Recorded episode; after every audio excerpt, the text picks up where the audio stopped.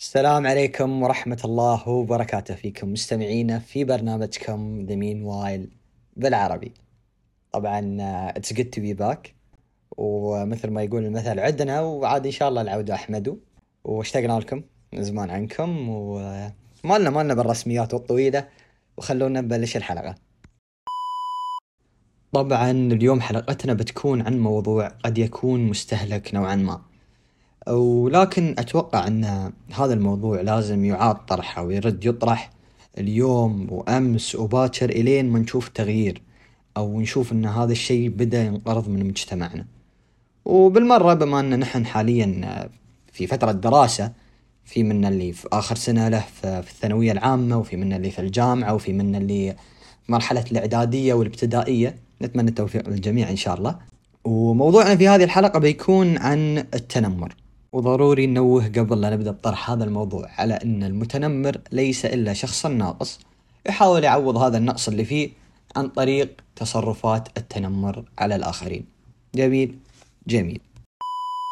بنتناول في هذه الحلقة عدة محاور تخص التنمر ومنها تعريف التنمر أنواع التنمر الآثار اللي ممكن تنتج بسبب التنمر وطرق تخلينا نتفادى أو نتجنب أو نتخلص من التنمر بالمرة. بل يابا منكم الحين اجهزوا لكم شيء تشربونه لأن الدراسات أثبتت من مصادر غير معروفة طبعا أن الإنسان يوم يسمع حلقة بودكاست ضروري يكون عنده شيء يحب يشربه. بنبتدي معاكم بأول محور من محور حلقاتنا اليوم ألا وهو تعريف التنمر. تعريف التنمر هو أحد أشكال العنف الذي يمارسه شخص أو مجموعة من الأشخاص تجاه شخص آخر. عن طريق إزعاجه بطريقة متعمدة ومتكررة. وقد يأخذ التنمر أشكال متعددة بنتكلم عنها بالتفاصيل بعد شوي. والتنمر عبارة عن ظاهرة عدوانية وغير مرغوبة تتكون بممارسة العنف والسلوك العدواني وعادة ما نشوف هذه الظاهرة منتشرة بكثرة عند طلاب المدارس وهي تكون أكثر عن غيرهم. ونكون صريحين هي تكون الأكثر تأثيرا. ولا ننسى أن المتنمرين عادة ما يتصرفون بهذه الطريقة كي ينظر لهم على أنهم محبوبين أو أقوياء أو يكونون يدورون عن لفت الانتباه. وغيره أنه يمكن يكونون يتنمرون بدافع الغيرة أو أنهم عاشوا نفس الموقف من قبل يحاولون يعكسون هذه المعاناة عن طريق التنمر. يعني باختصار نقدر نقول عن التنمر أنه عبارة عن عملية النفوذ والتكرار وبهذا الشيء نقدر نلخص مفهوم التنمر. ننتقل إلى محورنا الثاني في هذه الحلقة ألا وهو أنواع التنمر. نبتدي بالنوع الأول اللي هو التنمر الجسدي أو البدني وهو تعرض الإنسان لبعض السلوكيات المسببة للإحراج والضرر مثل الضرب اللكم الركل أو سرقة وإتلاف الأغراض. انتقل إلى النوع الثاني وهو التنمر اللفظي. التنمر اللفظي يكون عبارة عن التلفظ بألفاظ وكلمات مهينة للشخص الآخر أو مناداته بأسماء وألقاب سيئة لا يحبها. وهذه الألقاب ممكن أنها تسبب للشخص الآخر الحزن والغضب بالإضافة إلى أنه يتحدث مع الأطراف الآخرين بأسلوب السخرية والتهديد والتوعد وهذا كله يندرج تحت باب التنمر اللفظي. عندنا النوع الثالث ألا وهو التنمر الاجتماعي والتنمر الاجتماعي عادة ما يكون إلحاق الإيذاء المعنوي بالشخص مثل تركه وحيدا ودفع الآخرين إلى ترك صحبته إهماله بطريقة متعمدة استبعاده ونشر الإشاعات اللي تخصه. عندنا النوع الرابع التنمر الإلكتروني. وهو التنمر اللي يعتمد بشكل كامل على تقنيات المعلومات ووسائل التواصل الاجتماعي.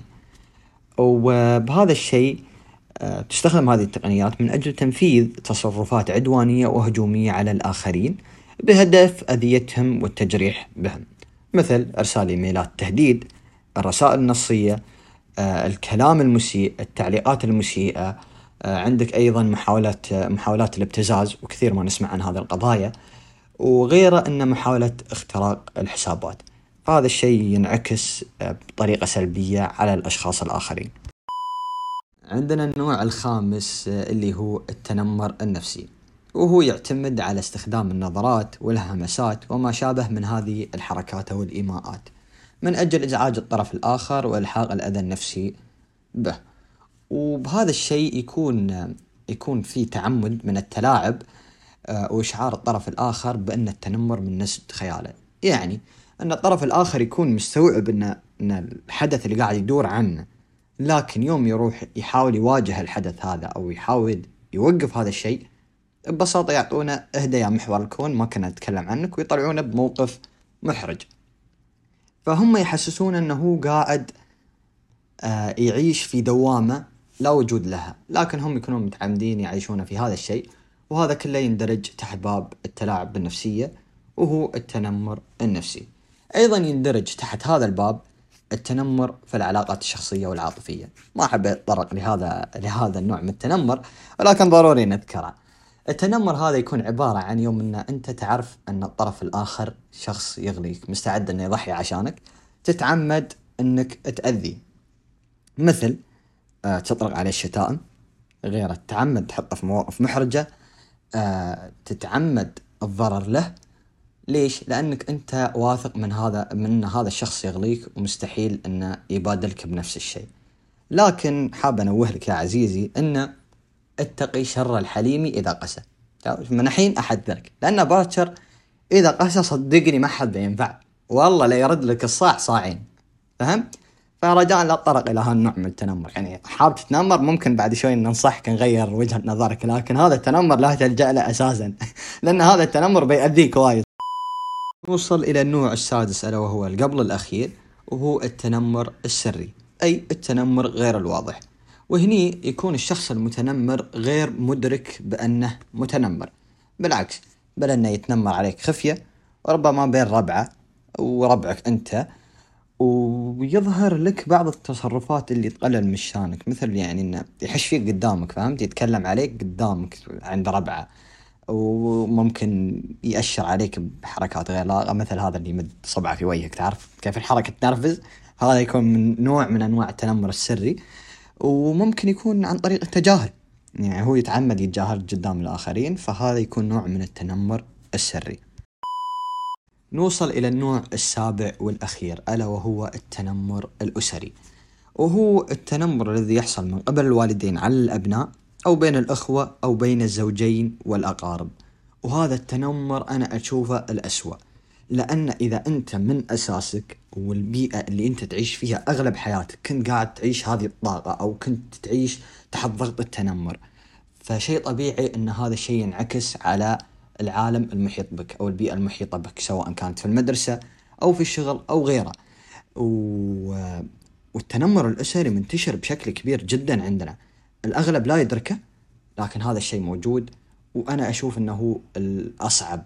بأنك تعالجه أو تحتويه فمن أحد الحلول له تثقيف العائلة بحيث أن الطفل يوم ينشأ ما ينشأ على التنمر أو أو إن كان إن كان وجد التنمر في هذا المحور فيكون بطريقة سائغة أنه متقبلة. فهمت؟ أنت تعرف أنه تنمر لكن مش التنمر اللي يأثر عليك.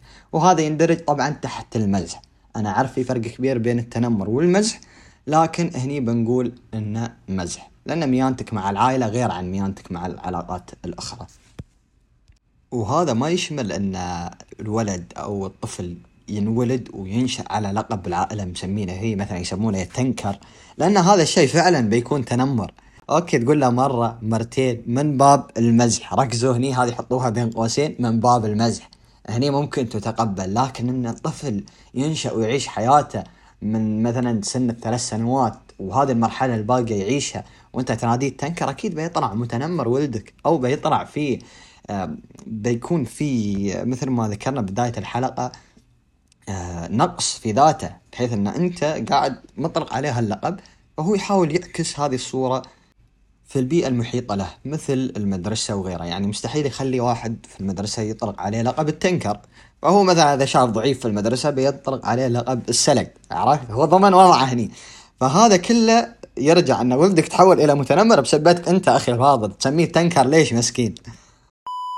نتكلم في محورنا الثالث عن علامات تعرض الشخص للتنمر. وبهذا المحور بتحيز شوي إلى المنظور الأبوي بحكم أن إذا خرجنا عن هذا المنظور فأنت كشخص بالغ تقدر تميز أكثر عن كونك طفل. فبنتكلم في هذه النقطة لتوعية الآباء وأولياء الأمور أكثر آه، عن طريقة كشف إذا كان ولدهم أو ابنهم أو طفلهم ضحية للتنمر. فبنبتدي أن راح تبدأ آه، تلاحظ أن الطفل بدأ يتحول لشخص عدائي. آه، ثانيا عندك بتشوف أن مستوى الطفل الأكاديمي بدأ يتراجع. غيره بتشوف أن الشعور بالخوف أو عدم الأمان من ناحية الذهاب للمدرسة.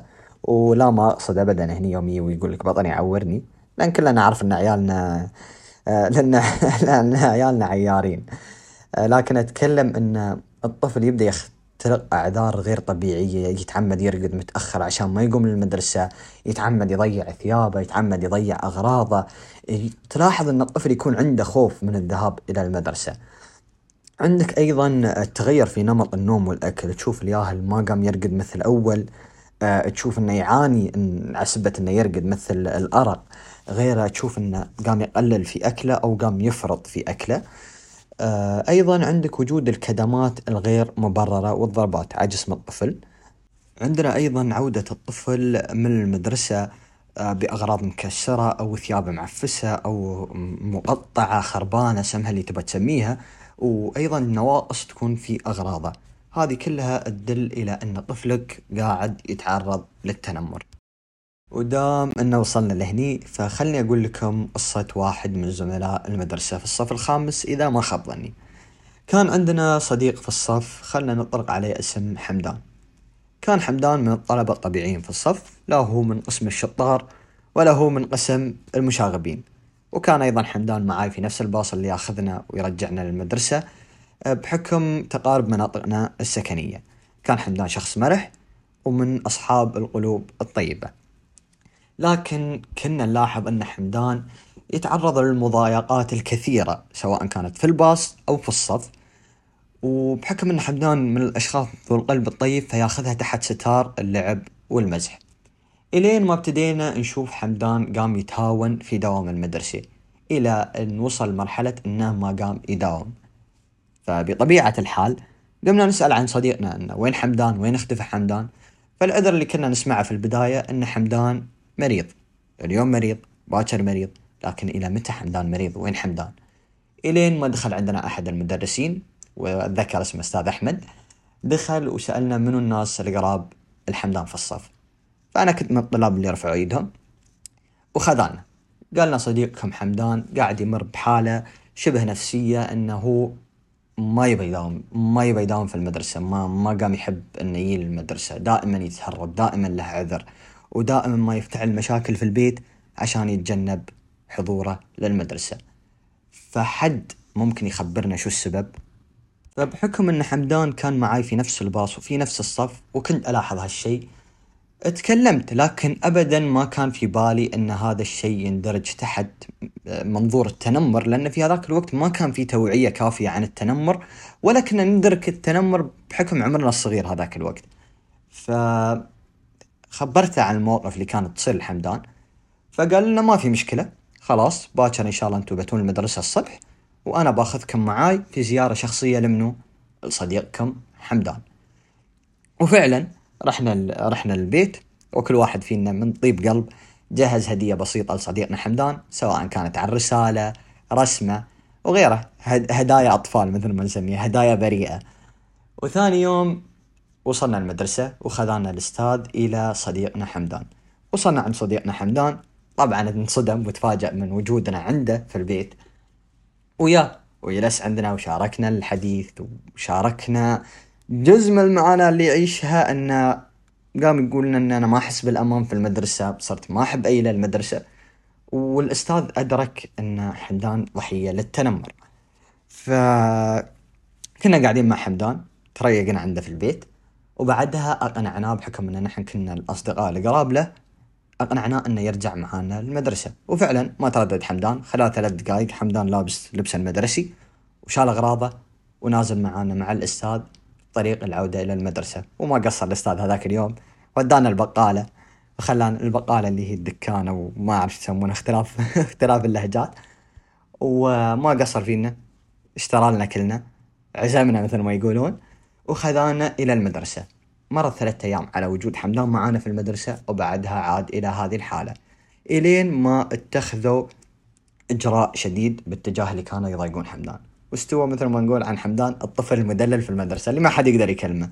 والحمد لله أن اتخذوا هذه الخطوة بحيث أنه خلوا حمدان يرجع إلى جو المدرسة. لأن مثل ما قلت لكم أن التنمر ممكن يأثر بشكل سلبي جدا وبنتطرق إلى هذه النقطة بعد شوي.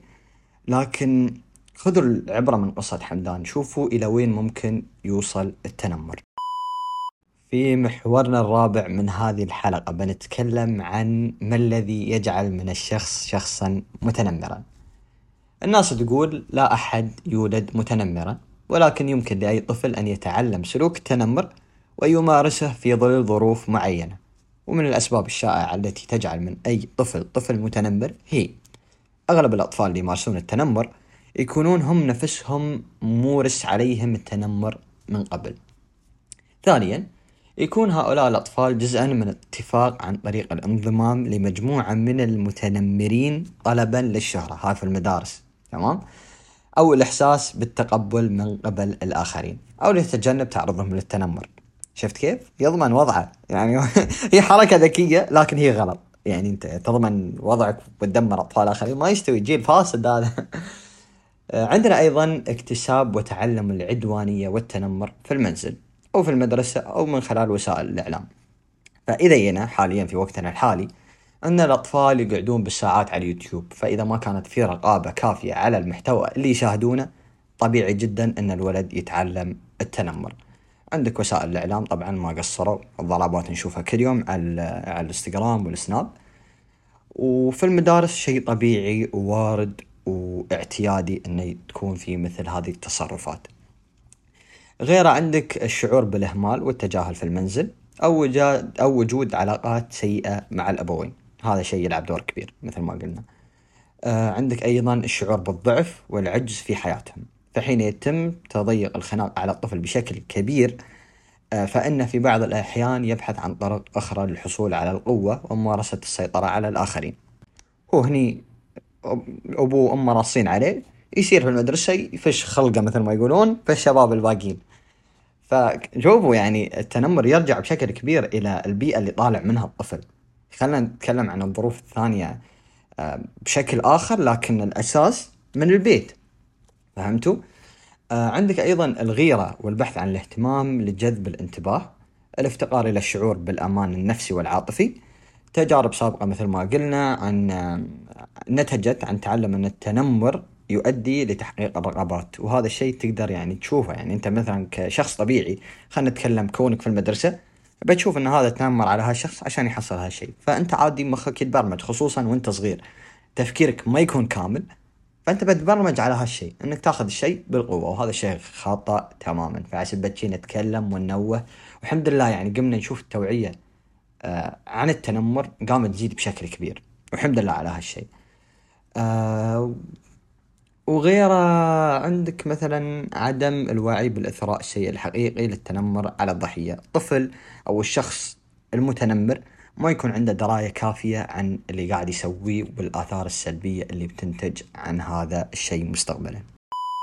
بما أن تكلمنا بالمحور السابق عن ما الذي يجعل من الشخص شخصا متنمرا فالمحور الثاني أكيد بيكون ما الذي يجعل من الشخص ضحية للتنمر. عندك عدة أسباب. منها قلة الثقة بالنفس الانطوائية. فبما أن بيشوفونك أنك جالس بروحك ومنطوي على نفسك فالمتنمر بيشوف أنك ضحية سهلة. عندك أيضا عدم اندماجك مع العالم اللي حواليك وهذا يدرج تحت الانطوائية. أيضا عندك قلة الأصدقاء تمام؟ قلة الأصدقاء يوم يوم طبيعي يوم أنك تكون تمشي روحك تكون ضحية سهلة. ونرجع للمثل اللي يقول لك الكثرة تغلب الشجاعة. فيوم بتكون ماشي مع عشرة المتنمر بيفكر ألف مرة قبل لا يقرب منك. لأنه هو واحد في الأخير وانتو عشرة أو حتى إن كانوا هم مجموعة. مثل ما قلنا الكثرة تغلب الشجاعة. ما حد بي آه، مثلا هم خمسة وانتو عشرة بيتنمر عليك. فقلة الأصدقاء تعكس أو آه، أو تثبت للطرف الآخر أن أنت ضحية سهلة للتنمر. عندك أيضا عدم قدرتك على فرض احترامك بين الآخرين. والسبب الأخير العيش بالخوف. ومثل ما قلنا العيش بالخوف يخليك أنت مش قادر تواجه التنمر بنفسك. فبهذا الشيء أنت بتكون راضي أنك تعيش ضحية للتنمر وبتكون ضحية سهلة للمتنمر. وصلنا لمحورنا السادس في هذه الحلقة وهو الآثار اللي ممكن تنتج بسبب التنمر. أولا عندنا من هذه الآثار الشعور بالخوف التوتر الاكتئاب والقلق. أيضا ممكن تراود الشخص أفكار عن الانتحار أو إيذاء النفس بطريقة خطرة أو حتى بسبة الضغط اللي قاعد يتعرض له آه، الشخص ممكن أنه يفكر بالانتقام بطريقة بشعة. ومثال على ذلك مسلسل بنات الروابي. طبعا بغض النظر عن الأفكار الفرعية وعن جودة التمثيل والحوارات آه، وجهات النظر الموجودة في المسلسل خلونا نتناول الفكرة الرئيسية أو القضية اللي ركزوا عليها. وطرحت ألا وهي أن كيف مريم الشخصية الرئيسية اللي كانت ضحية للتنمر في بداية المسلسل تحولت إلى إنسانة لا تشعر إلا بحس الانتقام وكيف أنها بدأت تخطط وتفكر دون ما يكون عندها أي رأفة أو شعور بالرحمة من منظور إنساني أو مبدأ بالتسامح حتى. آه فكان كل همها أنها تنتقم يعني كان هذا همها الوحيد. على قد ما يصير على قد ما الناس تغيرت معاها على قد ما كانت تتغير الظروف حوالينها كانت هي وحش يسعى للانتقام. طبعا عاد أنا ما بكمل عشان ما أحرق عليكم أنا بس بغيت أتناول الفكرة الرئيسية. آه وما بغيت أحرق المسلسل اللي ما تابعوه وعلى فكرة ترى مش إعلان لكن أحس إني سوقت لهم. المهم فهذا أكبر مثال عندنا. وإذا بنصح إنكم تشوفون المسلسل بس عشان تأخذون هذه الفكرة. يا ليت إن تحول رواية وتقرون الروايه عشان يعني ما, ما ما ندخل في موضوع المسلسل فاهمين علي؟ وأنا أقول نسكت وننتقل للمحور الثاني. قبل لا نتكلم عن الطرق اللي تخليك تتجنب وتخلص من التنمر خلونا نتكلم عن الأشياء اللي تتفاداها أثناء التعرض للتنمر. اولا لا تفكر ولو مجرد فكرة أو خيال. لا لا تخلي في في في بالك فكرة أن التنمر أو اللي قاعد يمارس عليك هي غلطتك. لأن ما في شخص في هذا الكون يستحق أنه يعامل بهذه الطريقة أو يعامل بالتنمر. أيضا آه لا تحاول أنك آه تتنمر أو ترد ردة فعل سلبية عكسية على الطرف الآخر أثناء وقوعك ضحية للتنمر. لأن هذا الشيء بيزيد الموقف سوءا. آه أيضا آه لا تخلي موضوع التنمر لنفسك وتتوقع أن هذا الشيء بينحل لازم تلقى حل أو أنك تخبر شخص بالغ. لازم لأن الشخص البالغ هو الوحيد اللي ممكن يساعدك أو إذا أنت لقيت طريقة أخرى بمنظور سلمي أنك تحل الموضوع. آه أيضا لا تفكر بأنك تغيب تغيب عن المدرسة أو تتجنب المدرسة أو النشاطات اللي بعد المدرسة أو الأنشطة اللي في المدرسة لأنك خايف من التنمر. آه ولا تكون خايف من أنك تتكلم عن التنمر. هذا شيء أساسي خله في بالك. آه لأن في هذه الحركة أنت ما بتكون وشاي أبدا ما بتكون وشاي. لكن هذا الشيء الصح اللي تسويه. لأن أنت كونك تتحمل الضغط اللي عليك وتحمل الأذية اللي أنت قاعد تأذاها وتتوقع إن هذا الشيء طبيعي لا هذا الشيء ابدا مش طبيعي. الطبيعي إن أنت تتكلم عن هالموضوع. إن إن هذا وإن إنك ما لقيت حل أقل شيء بتكون فرغت اللي داخلك وبتكون فضيت مساحة في مخك إنك تقدر تفكر فيها لإيجاد حلول. تمام؟ و لا تفكر لا تفكر ابدا إنك تأذي نفسك بسبب التنمر. لأن أنت يعني أنت كفاية الأذى اللي قاعد تعيشه فتأذي نفسك ولا سمح الله إنك توصل لمستوى خطير وتنتحر أو غيره. لا شكرا. جهنم. دايركت. دايركت. مرة من أوسع أبوابها. فليش؟ يعني تخسر دنيا وآخرة ما يستوي. كل شيء ينحل. كل شيء ينحل بالتفاهم يا عزيزي. فركز لي بارك الله فيك. وصلنا للمحور الأخير وهو طرق تساعدك في تجنب أو التخلص من التنمر. اولا لازم نعرف مثل ما ذكرنا سابقا أن سكوتك عن التنمر بحد ذاته غلطة كبيرة سواء كنت أنت من يتعرض له أو غيرك. يعني كيف ترضى أن غيرك يكون قاعد يتعرض أو يكون ضحية للتنمر وأنت واقف مكتوف الأيادي؟ فهذا الشيء مثل ما قلنا غلطة كبيرة. فحاليا وصلنا للحلول اللي ممكن أنها تجنبك موضوع التنمر. عندك أنك تكلم شخص بالغ أنت تثق فيه. عندك سواء كانوا أبويك أو عندك أحد المدرسين عندك إخوانك الكبار آه، عندك أعمامك هذيل كلهم أشخاص أنت تقدر تثق فيهم. وممكن أن تشرح لهم أن أنت مثلا ما تبى الموضوع يكبر ويوصل لشكوى أو إجراء رسمي فهم ممكن يساعدونك بإيجاد حلول أنت تستخدمها قبل لا قبل لا تلجؤون للحلول الصعبة أو الحلول آه، اللي ممكن أنها تكون جذرية مثل ما نقول. أنه ممكن إجراء مدرسي يتخذ بحق هذا الطالب أو إجراء في العمل أو إجراء آه، في الشرطة. فهمت علي؟ آه بعد عندك آه مثل أو باختصر هذا الحل بمقولة طنش تعش. أنك تتجاهل المتنمر ولا كأنه موجود. وإن عاد هذا الشيء فأول مرة ثاني مرة وثالث مرة وعقبها بيمل. يشوف أن أنت مش قاعد تتعاطى معه. أنت مش قاعد تظهر له أي ردة فعل. ما أقول لك أنك تتجاهله بطريقة أن تبين أن أنت فيها الركيك أو أنك الضعيف. لا تتجاهله بأنه تبين له أن أنت مش مهتم في اللي قاعد يقوله لأن فعليا كلامه لا بيزيدك ولا بينقصك بشيء فببساطة اللي أنت تسوي أنك تتجاهله وتمشي عنه وتخليه يقول اللي هو يقوله. الطريقة الثالثة آه أنك تمشي فارد نفسك وراسك للأعلى. هذا الشيء بيعطي عنك طابع الثقة بالنفس بيخلي المتنمرين هم اللي يتفادونك مش انت اللي تتفاداهم.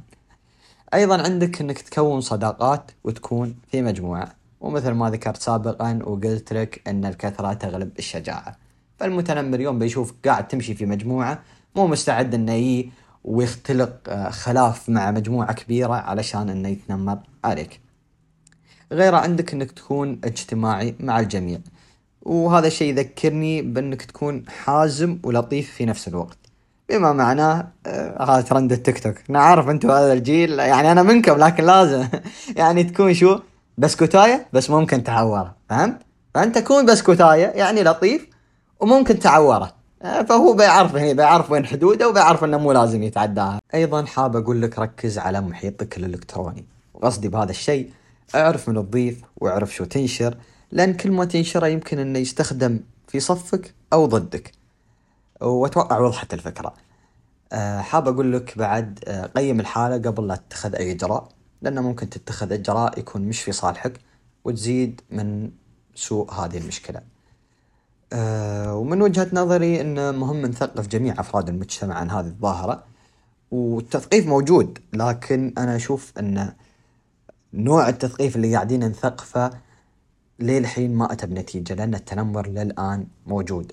فممكن إن نعطي ندوات آه، ورشات عمل تدريبية آه، نحطه نضيفه للمنهاج وأتوقع إنه موجود في المنهاج حاليا لكن نضيفه بطريقة تكون عملية أكثر آه، غير نوعي الناس والتوعية موجودة لكن نوعيهم ونحطهم في موضوع إنه كيف يتعاملون مع التنمر مش نعطيهم العبرة من التنمر أو وين ممكن يوصل التنمر. آه، ممكن أيضا أن في التنمر يوم يتنمر عليك الشخص مثلا يقول لك أنت غبي يقول أنت ذكي وفي فيديو مشهور عن هذا عن هذا الموضوع أن كل ما زدت مع المتنمر زاد معك. فأنت دائما تلجأ لمثل ما قلنا الحل السلمي. هو قاعد يغلط. أنت تتكلم في موضوع ثاني غير الموضوع. هو بيقوم يحس إنه هو أهبل في النقطة هذه. فبيصير إنه يشوف إنه هو الضعيف مش أنت في النقاش هذا وبيبتعد عنك. والحين وصلنا لفقرة الآراء بخصوص موضوعنا في حلقة اليوم. نبدأ بالرأي الأول من صديقنا ليث. وصراحة صديقنا ليث يفوز بأفضل إجابة ضمن الجميع من باب الإنصاف. آه ليث يقول المتنمر في غالب الأحيان هو اللي يكون يعاني من شعور الكره للذات. فبهذه الحالة بيحاول إنه يعكس أو يعبر عن هذا الشعور بالتنمر على اللي حوله. ويقول ليث أيضا إن أفضل طريقة للتعامل مع المتنمر هي مراجعة حياته عن طريق النظر إلى البيئة اللي هو عايش فيها. فربما يكون هذا الشخص يعاني يعاني من الإساءة في معاملته اليومية. وغلط أن نستبعد أو نعزل الشخص لأن بهذا التصرف ما راح نغيره إلا للأسوأ. لأن هذا الشخص بحاجة إلى الأصدقاء للتغيير. لكن شعوره بعدم الأمان هو اللي مانعنا من أنه يكون العلاقات اللي يكون فيها مسالم. المشاركة الثانية من صديقتنا مهرة ومهرة تقول أن بدلا من محاولة إيقاف الشخص المتنمر لازم نوعي الناس والمجتمع عن طريقة التعامل معه لأن تواجد المتنمر أمر محتوم لا مفر منه. والمشاركة الثالثة عندنا من الداعم الأول للبرنامج واللي كانت دائما خلف هذه الفكرة ونجاحها وتحولها إلى حقيقة وهي معلمتي الفاضلة معلمة أسيل. كانت مدرستي في السنة الأخيرة من الثانوية العامة وعلى الرغم من كون هذه السنة تفتقد للتعليم الحضوري فقد صنعنا الكثير من الذكريات التي سوف تبقى مخلدة إلى الأزل إن شاء الله. ومس أسيلة تقول هي تعتقد أن الناس لا تدرك مدى التأثير الكبير اللي من الممكن أن يتركه المتنمر على المدى البعيد. وتضيف أيضا وتقول قلة الثقة في النفس اللي تنتج عن التنمر بتجعل من بناء العلاقات والمستقبل أمر صعب للشخص. وعلى الرغم من تواجد هذه المشكلة من وقت طويل حتى أصبحت اعتيادية لم يطرأ أي تغيير عليها بل أنها بدأت تزداد سوءا على بعض الأصعدة. تحية كبيرة صراحة على هذا الكلام الرائع. ونشكر نشكر مس أسيل على المشاركة وننتقل للمشاركة اللي بعدها. أن المشاركة اللي بعدها من صديقنا عبد الله وعبد الله يقول شو تنمر ما تنمر وشو هالخرابيط واللي ذي يتنمر علي بعرف كيف أتفاهم معه. طبعا عبد الله ما يحتاج متنمر من الطراز الأول. فيا أخ عبد الله صار لنا 20 دقيقة قاعدين ننصح عشان تيجي تقول لي بتفاهم معاه أتمنى أن قصدك تفاهم سلمي لأن ما ودي أن هالوقت كله اللي أنا قاعد أنصح فيه يروح هباء منثورا لكن بحكم معرفتي بعبد الله أنا عارف كيف قصده بيتفاهم معاه فيا عبد الله الله يهديك. اهدى يا أستاذ عبد الله اهدى. اهدى يا أستاذ عبد الله. أكتبي بمشاركات أنا خلاص كنسل سكر الحلقة وصلنا إلى ختام الحلقة. أتمنى أنكم استانستوا في الحلقة آه، واستفدتوا إن شاء الله من الحلقة وأن الحلقة حازت على إعجابكم. آه، طبعا ترى نسمع آرائكم. تعليقاتكم تصحيحاتكم معلومات حابين تضيفونها أشياء تعلمتوها من الحلقة آه، وترون تواصلون ويانا عن طريق الانستغرام themeanwhile.ar أو عن طريق التيك توك ذا مين وايل ودمتم في حفظ الكريم ونلقاكم على خير إن شاء الله Why you... What he's doing? Why you bully me?